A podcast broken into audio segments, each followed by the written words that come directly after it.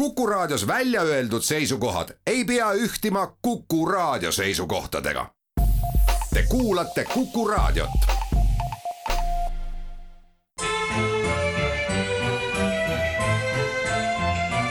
Memoria.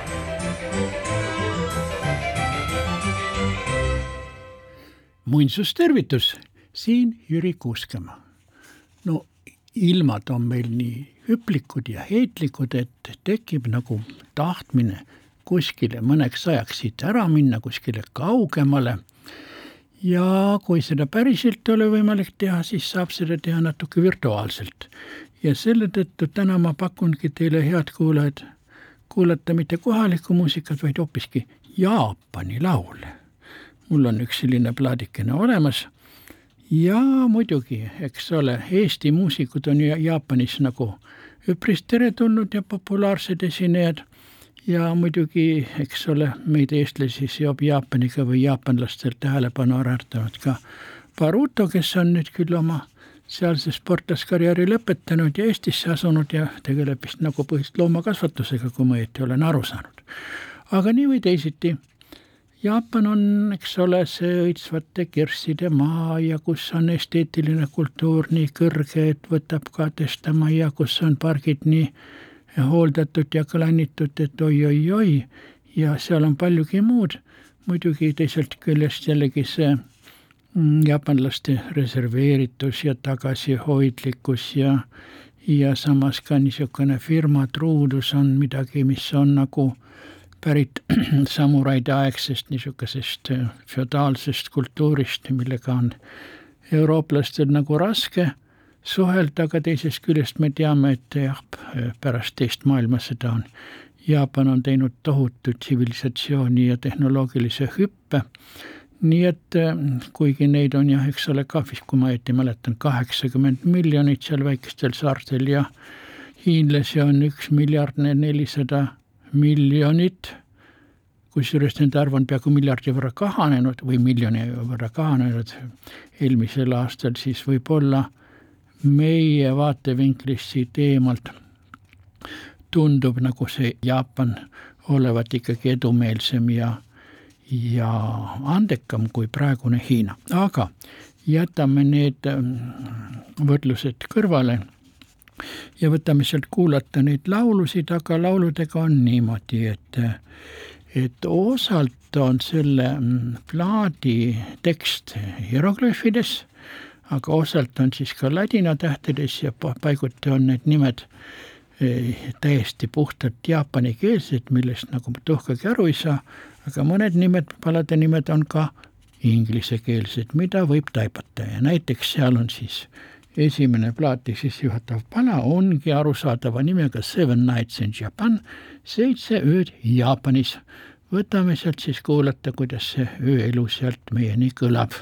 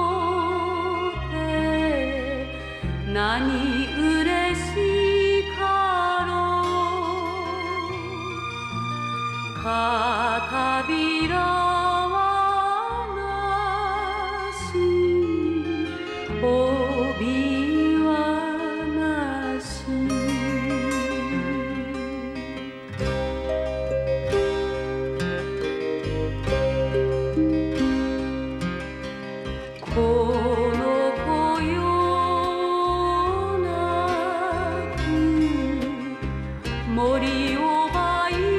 散る。森も一日痩せるやら。Kalendrijutt nojah, kui me oleksime väga rahvusvahelised, siis tänase jutumärgusõnaks võiks olla kass sest on ju see idamaa kalendri järgi uus aasta algamas ja kassi aasta. no ma pean tunnistama, et minul nagu kassidega nii väga südamlikke suhteid ei ole ja neid kassi aasta horoskoope mõnda ma loen. see on nagu jah, fantaasiajutud, mis on paiguti päris lõbusad ja hämmastav, mida kõike on võimalik kokku oletada, aga noh, jah, see horoskoopide laine peegeldab ka inimliku fantaasia piiritust või piiramatust aga, ja see on ju omamoodi tore ja tõesti, see on midagi niisugust, mis on mm, meelelahutuslik ja vist ilmselt liiga tõsiselt seda ei maksaks võtta. aga kuidas keegi? no mina siin oma vanamoelisuses gootikast barokini. Vaatasin ikka loomulikult aastaringset katoliku kalendrit ja mis seal siis silma torkas, ikka kaks päeva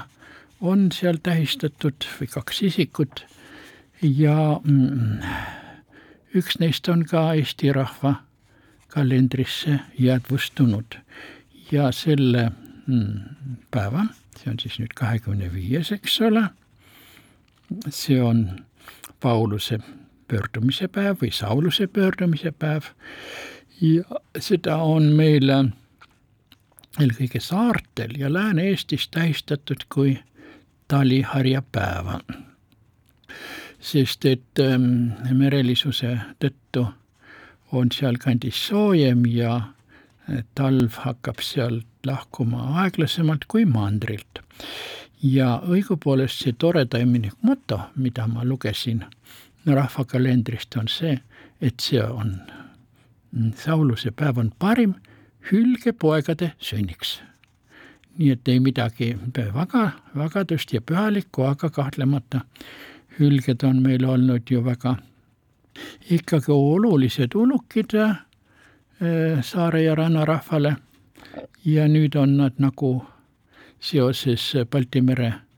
nagu reostatusega ja samuti sellega, et jääd mõnel aastal ei teki õieti, äh, kus hülgepojad saaksid sündida sest nende õige sünnikoht on, sünnitusmaja ongi jääl, merejääl.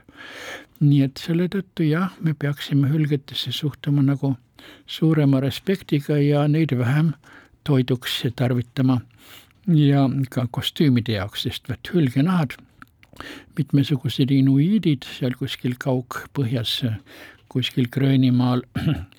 kasutavad hülgenahkasid ka oma külmakindlate rõivaste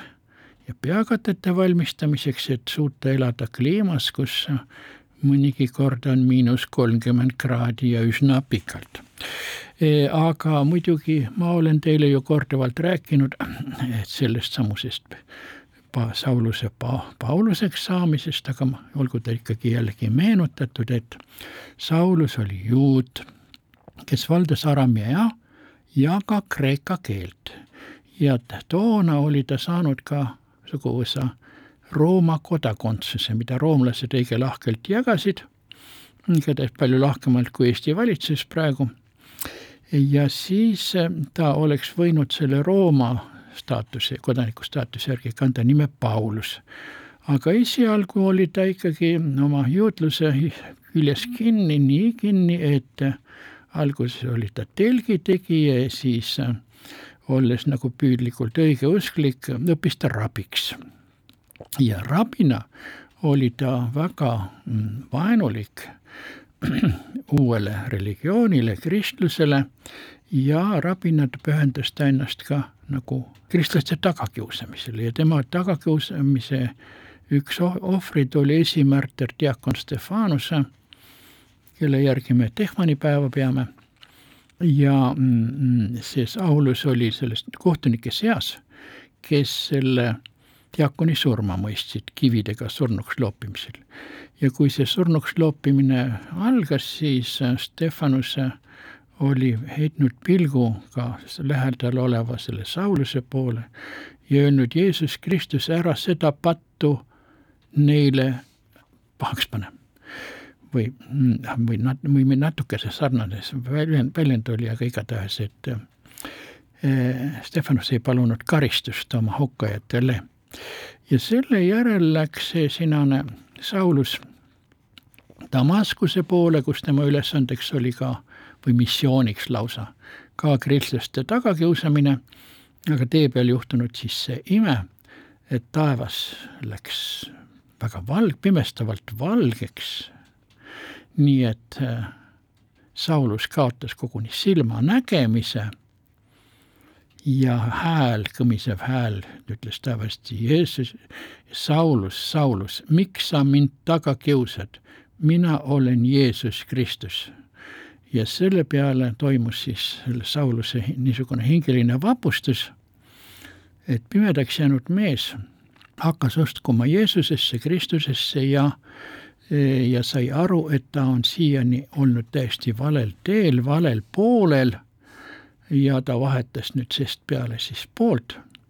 nii nagu praegu seda teevad isegi mõned Wagneri palgasõdurid Ukrainas, põgenevad ära ja kirjutavad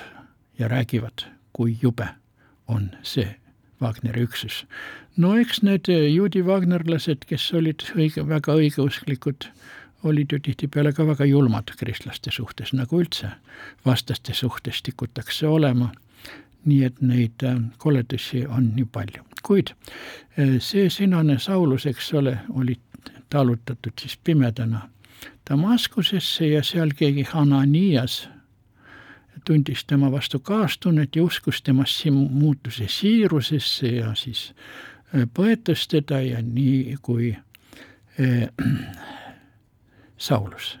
hakkas palvetama Jeesus Kristuse poole ja tunnistas teda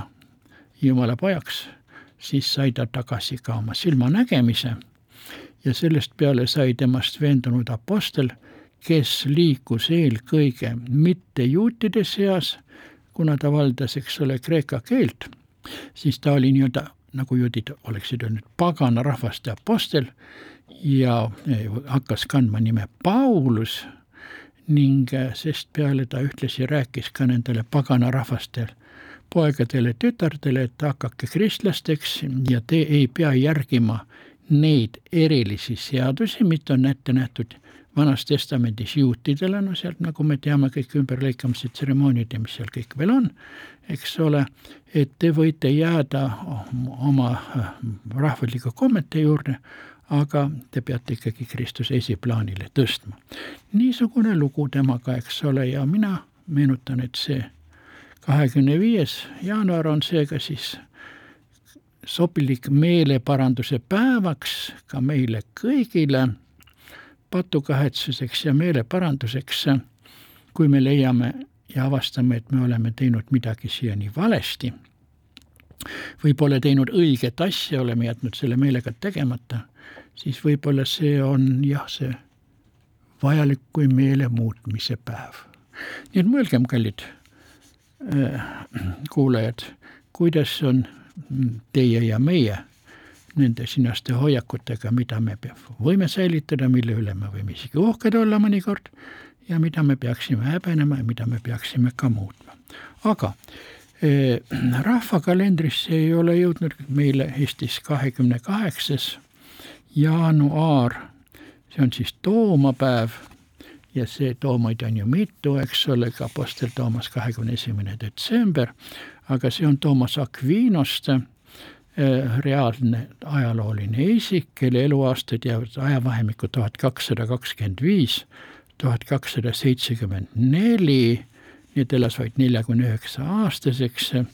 aga temast on saanud üks tähtsamaid kirikuisasid, sest ta on muidugi nagu kirikute, kiriku doktoriks kuulutatud, paavsti poolt pühakuks kuulutatud, oli dominiiklane, dominiiklastega patroon ja tema on lisaks jutlustamisele kirjutanud ka tekste, filosoofilisi tekste, milles on eh, summa teoloogika, mm, neli köidet lausa, mida eh, Rooma paavst alates tuhande kaheksasaja seitsmekümne üheksandast aastast on nimetanud, et see on kohustuslik kõikidele katoliiklastele ja see sisaldab katoliikliku filosoofia põhialused. nii et, et selle tõttu me võime öelda, et katoliikliku maailmavaate niisugused reeglistik on saja neljakümne aasta eest fikseeritud sellisel tasemel ja sellisel viisil, et see kõlbab juhindumiseks ka tänapäeval. no võib kõrvalt küsida, kas see natukene vananenud ei ole, kui sada nelikümmend aastat tagasi kirja pandu ja hoiakud, mis on nüüd või kirja pandud on see ju iseenesest varem, eks ole, tuhat kakssada, ütleme viiskümmend millegagi, mil tegutses see sinnane Toomas, aga Toomas Aquinost oli mm,, oli ju Albertus Magnusega teise kolmeteist sajandi filosoofiga need põhilised skolastika rajajaid, kuigi skolastika kõlab meie kõrvale nagu halvustavana,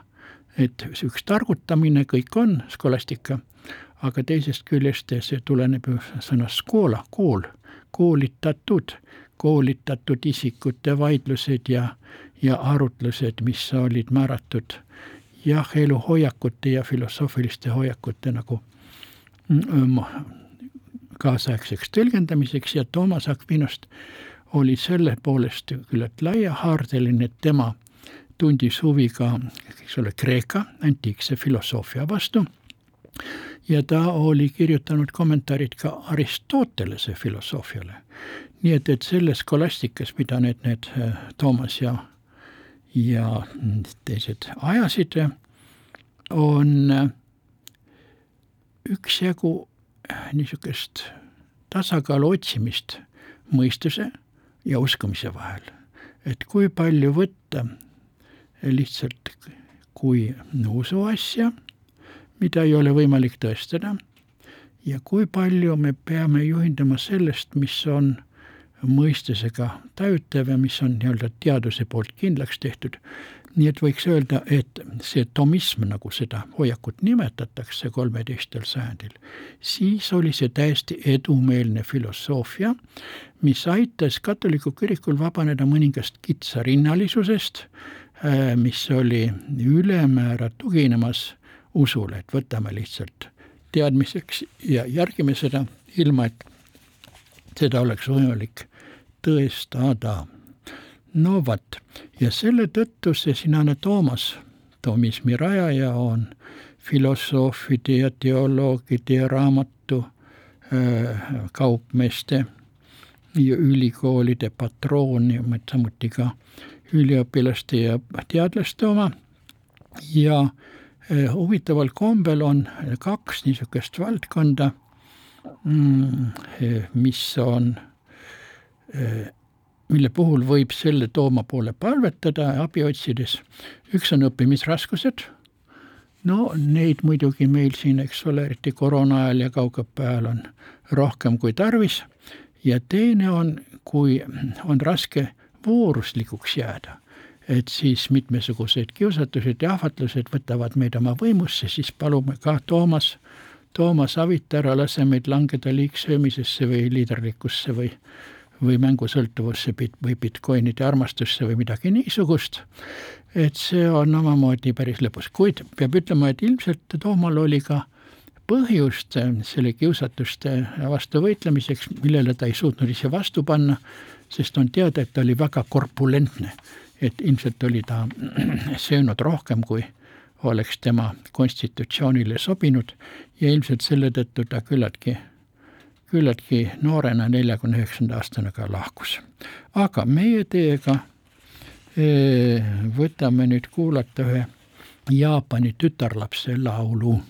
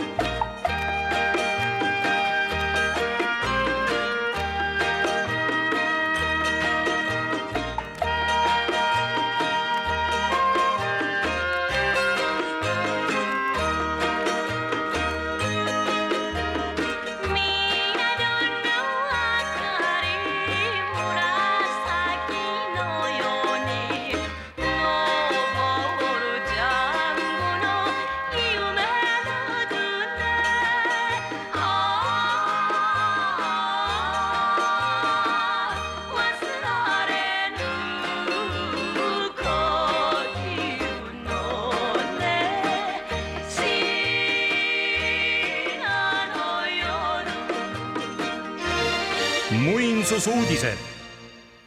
no nii, põhjust on rääkida võib-olla kolmest sündmusest esmajoones, kaks neist toimusid eile. üks oli näiliselt lokaalse tähendusega, kuid hõlmas ka kogu eestilise konteksti ja tausta. ja teine oli siis Tallinnaga rahvus, lausa rahvusvaheline, kolmas oli lokaalne Tartus, aga mis puutub sellesse Narva asja, siis eile toimus Narvas üks niisugune konverents, kus arutati siis punamonumentide pärandit ja samuti puna Nõukogude sümboolika äh, säilimist linnapildis või kuskil mujal seal Ida-Virumaal eeskätt ja selle korraldamises osales ka siis meil Kunstiakadeemia ja arhitektid ja muinsuskaitsjad ja nii edasi. ja selles osas jah, on ju mm, see seis niisugune, et samal ajal nüüd eilses ühes seitungis oli Õhtuleht vist, oli artikkel, kus kirjeldati ka ühte venekeelset, kuid eestimeelset kommentaatorit, kes näitab ennast oma kaamera ees Eesti kaarti ja Eesti lipu taustal ja kes kiitis heaks Narva tanki äraviimise. ja tema teatas, et narvakad on talle selle tõttu korduvalt ähvardanud peksa anda. no vot, kui palju neid narvakaid õnnestub nüüd ümber veenda, et see asi oli õige, kui kaua see aega võtab, no mõningatel võib olla põlvkond, eks ole, või kaks, et need, kelle vanaisad ja vanaemad on nüüd olnud südamest veendunud, et nad vabastasid see Eesti ala saksa fašistidest, Eesti natsionalistidest ja lõid siin õige nurgakese Venemaad, nagu Kirde-Eestis de facto juhtus, et nende lapselapsed võib-olla, kes on juba saanud, eks ole, Eesti, tõesti päris Eesti hariduse, mida veel õieti ei ole Äh, võtavad omaks eestlaste seisukohad. ja siis ei ole enam põhjust, et keegi kedagi ka seal Kirde-Eestis ähvardatakse, et antakse peksa nendele, kes teisiti mõtlevad, aga Narvas on ju muidugi minu meelest või minu teada on üks tõesti libamonument seal Pimeaias, vanal barokkbastionil on üks niisugune mälestusmärk, mille all olevat neid Nõukogude võimu eest võitlejate hauad,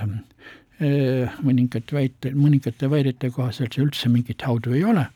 et see on puhas propagandistlik nähtus, niisamuti nagu ütleme, Daumanise tänav, mis ülistab Eesti töörahva kommuuna kangelast ja nii edasi, et see on ka Narvas üks keskseid selliseid võltsobjekte, mis muidugi mille puhul minagi arvaksin, et see tuleks ära koristada. iseasi on jah, nende paljude haudadega, mida on sõjas tekkinud ja millel on siis niisugused ka mm, väga punased tekstid, et need võiks ju siis asendada tõesti neutraalsemate tekstidega, aga minu meelest on mõttetu püüda kõiki neid sõjahaudu üles lahti kaevata ja need säilmed viia kuskile lähimale, lähimale kalmistule. no on muidugi mõned võib-olla üksikud kohad, kus need on liiga silmatorkavad või tõesti jäävad, jäävad praegusele elule tõepoolest ette, aga mujal minu meelest las nad olla. aga see selleks, nii et selle konverentsi tulemusi või kogunemise tulemusi me nagu veel ei tea, aga eks need jõuavad ka meie meediasse, osalt on võib-olla juba jõudnud, sest konverents oli eile ja tõenäoliselt esmaspäeval hakatakse nende tulemustega avaramalt tegelema. Aga teine rahvusvahelist klassi sündmus, mida muidugi tuleb kuulutada ja mida muide täna eh, kajastab ka Eesti Televisioon, sest üsna natuke aega pärast eh, Memoria saate lõppu kell üksteist viisteist teeb ETV ülekande eilsest sadamas toimunud pidulikust koosolekust, kus kuulutati välja Tallinn kui Euroopa rohepealinn, rahvusvaheline üritus. meenutan seda, et ähm, seda konkurssi et saada Euroopa rohepealinnaks, algatati juba üsna ammu ja see oli Jüri Ratase linnapeaks oleku ajal, kui selle kampaaniaga liit, liituti ja nüüd on siis tulemus siiski ka saavutatud. aga muidugi see saavutatus ei ole mitte ainult, ütleksime, niisugune aupärg, mille puhul me võime ennast rahulolevalt sügada ja haigutada ja lasta edasi täpselt samas vaimus, vaid ei, see on midagi niisugust, mis aasta jooksul teostub mitmes, mitmekümnete aktsioonide ja mm, koostegevuste ja konverentside ja, ja mm, loengute varal, mil tõesti Tallinna elurikkus peab kasvama ja seda ka uute nii-öelda haljastute näol ja osalt seniste haljasmaade ja parkide laiendamise või arendamise vormis. kusjuures eh, selle avamisel rääkis ka üks Viini esindaja, linnaplaneerija, mõningatest niisugusest rohelisele linnale no, omastest asjaoludest, mis võtsid mind täiesti jahmatama, et tundusid olevat täitsa utoopilised. no räägiti sellest, et äh, Viinis, kui projekteeritakse uusi elamukvartaleid, siis peab selles elamukvartalis tingimata olema lasteaed, punkt üks punkt kaks, elumajad ei tohi olla kõrgemad kui viis korrust. ja miks? sellepärast, et kui lapsed õues mängivad, siis nende emad suudavad esimesed viiendad korrused aknast välja vaadates oma lapsi ära tunda. aga kui on, on kõrgem juba kuus või kümme korrust, siis lab, emad enam lapsi ära ei tunne ja ka lastel kaob see kindluse tunne õues mängides oma, et ei näe oma ema aknal vilksatamas. ja siis võivad juhtuda mitmesugused pahandused ja äpardused ja õnnetusedki. ja kusjuures no muidugi need õued peavad olema niisugused, et näiteks seal, kus on öö, laste mänguväljak, see peab ka tingimata olema. seal peab olema alati päike. sel ajal, kui on päevane aeg, muidugi mõista hommikust õhtuni. nii et niisugused asjad meie linnaplaneeringus on täitsa ennekuulmatud ja just see aspekt, et see ema ja lapse side tingib kõrguse, et ei tohi ehitada siis koljatlikke kuueteistkorruselisi elumajasid või kahekümne viie korruselisi, vaid need elumajad peavad olema madalad. kuigi loomulikult madalate majade ehitamine läheb kallimaks eh, ja eh, annab vähem kasulikke pinnaruutmeetreid kui kõrghoonete rajamine, millega meil ollakse väga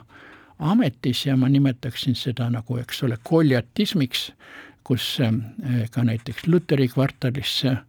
endiste kahe-kolmekorruliste majade vahele või kõrvale ehitatakse ka kaheksa või kümnekorruselisi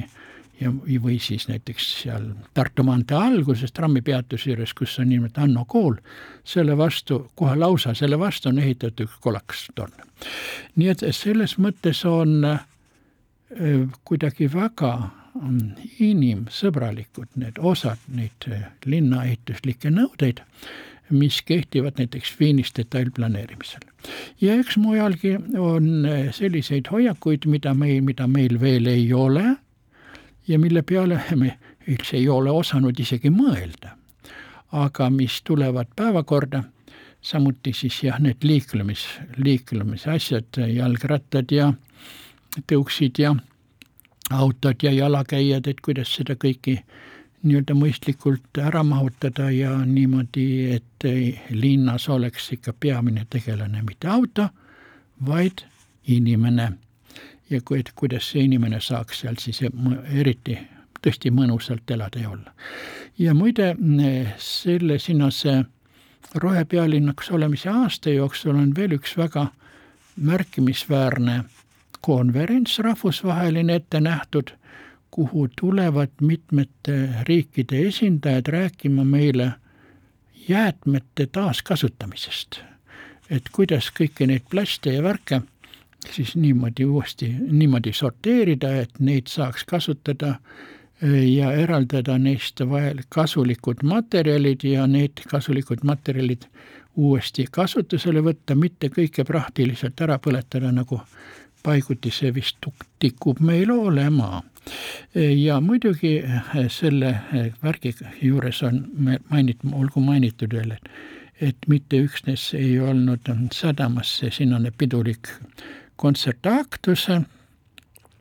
vaid ka meie raamatukogud tegelesid niisugustel teemadel nagu seal oli siis linna planeerimisest juttu ja haljastusest ja, ja siis mm, kavatsetakse ka korraldada neid prügi sorteerimise õppetunde nii lasteaedades kui koolides ja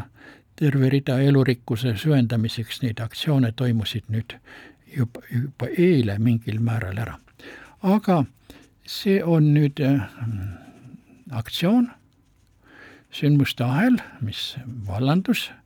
ja neid, äh, kui vaadata kavasid, siis kavas on muidugi üpris palju ja näiteks järgmised äh, mm, aktsioonid on ka mõnevõrra üllatavad, et märtsis on näiteks selline kampaania nagu Rohetärnid restoranide nädalal menüüdes, et restoranid saavad lisada tärne toitudele, mille keskkonna eh, jalajälg on väiksem kui senine. ja samuti, kuidas paremini ära kasutada toitu, et seda vähem raisata ja vot seda toidu raiskamise vastane, vastased aktsioonid on ka olulised selle Sinase rohepealinna juures, mitte ainult see vahetu haljastus, mis meid ümbritseb ja mille, mida me armastame, mida me tahaksime muidugi siis veel näha paremas seisundis, kui ta tänini veel on. nüüd aga kolmas sündmus, mis on mõneti lokaalse tähendusega, see on Tartus avati staažika kujuri Endel Tanilo sajandaks sünnipäevaks tema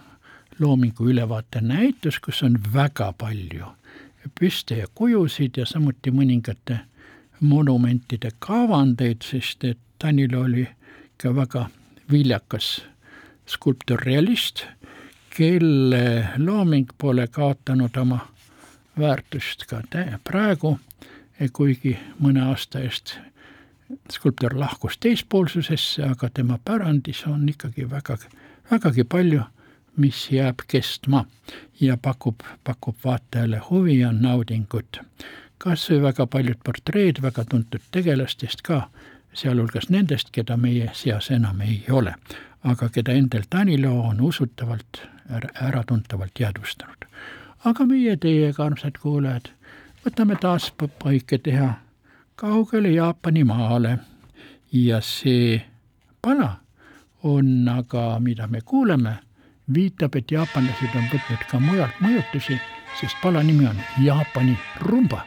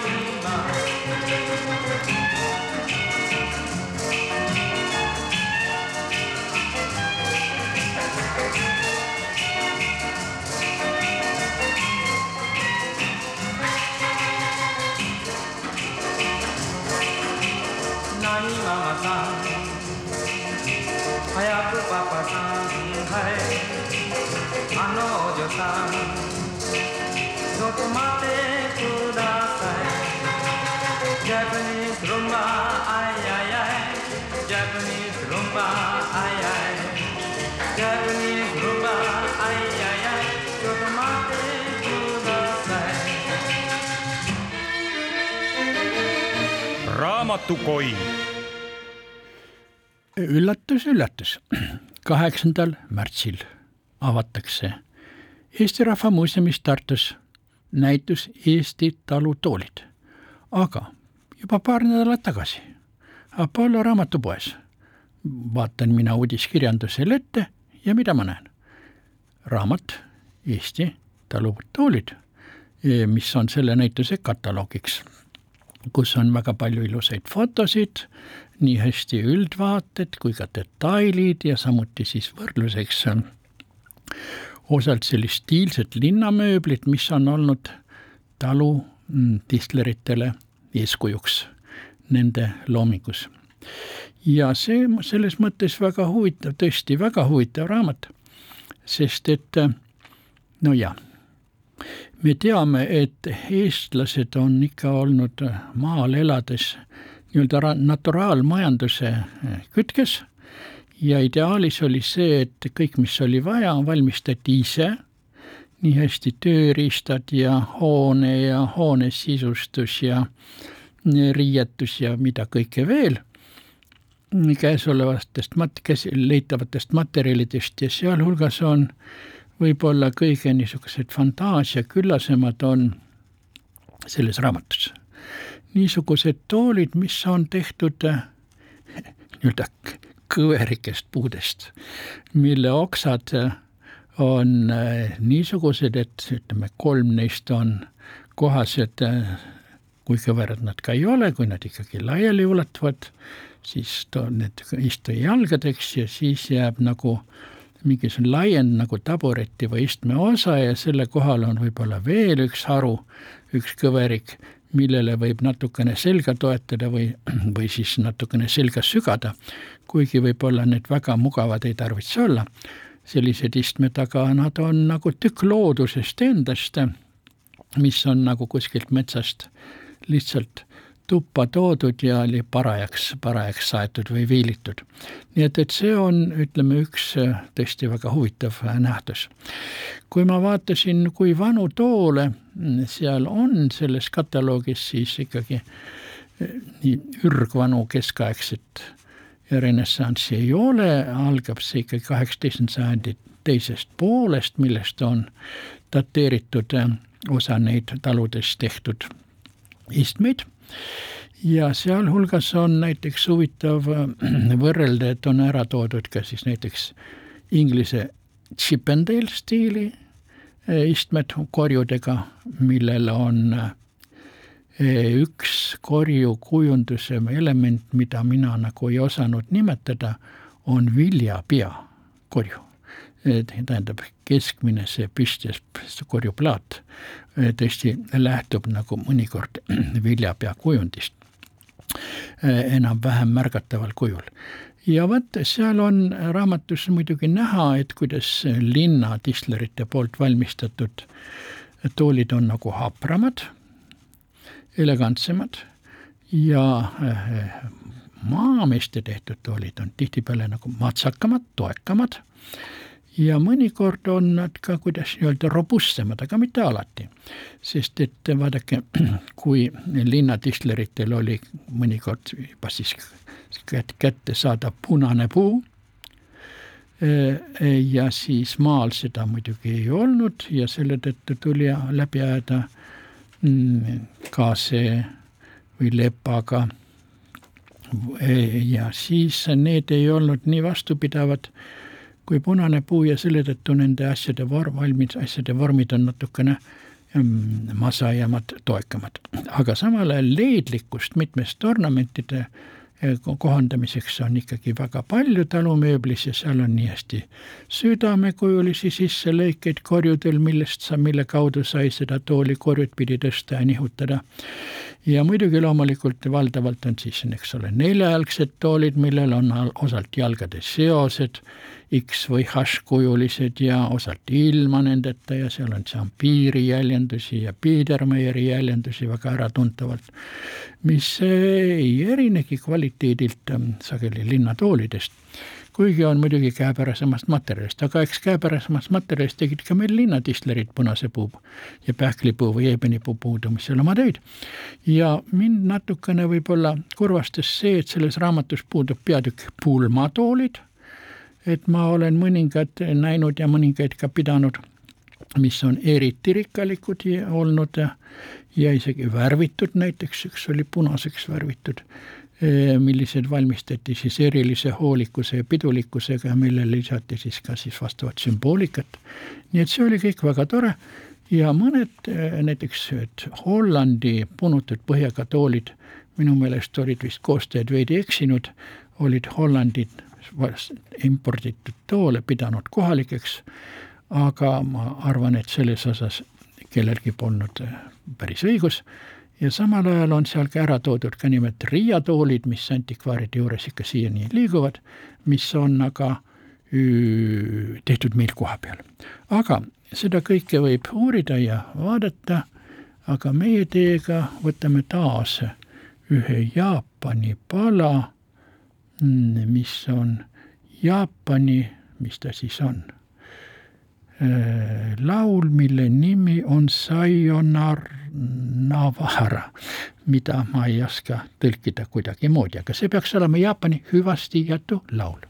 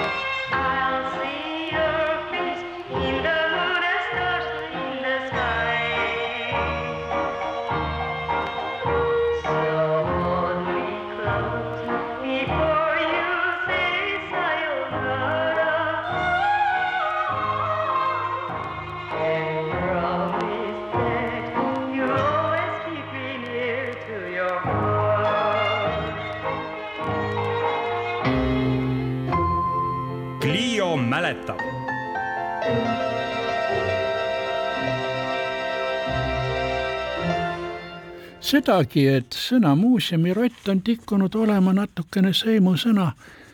minulaadsete muuseumitöötajate suhtes, kes kuskil seal vaikselt nokitsevad, ilma et avalikkus seda näeks, kuigi nad muidugi esinevad ka avalikkuse ees, aga muuseumirott on väärikamas tähenduses auhind, mida Eesti Muuseumide Selts annab välja juba tubli tükk aastaid ja auhind koosneb siis skulptuurist, pronksist, mille on kavandanud Tiiu Kirsipuu, skulptor, ja mida on kaks formaati, üks on väikerott. Need on, antakse auhinnaks institutsioonidele ja isikutele ja kellele need jäävadki. aga kaks tükki on suuremad. Need on nii-öelda rändrotid. Need vahetavad siis asukohta igal aastal, kui kuulutatakse välja järjekordselt selle muuseumiroti konkursi võitjad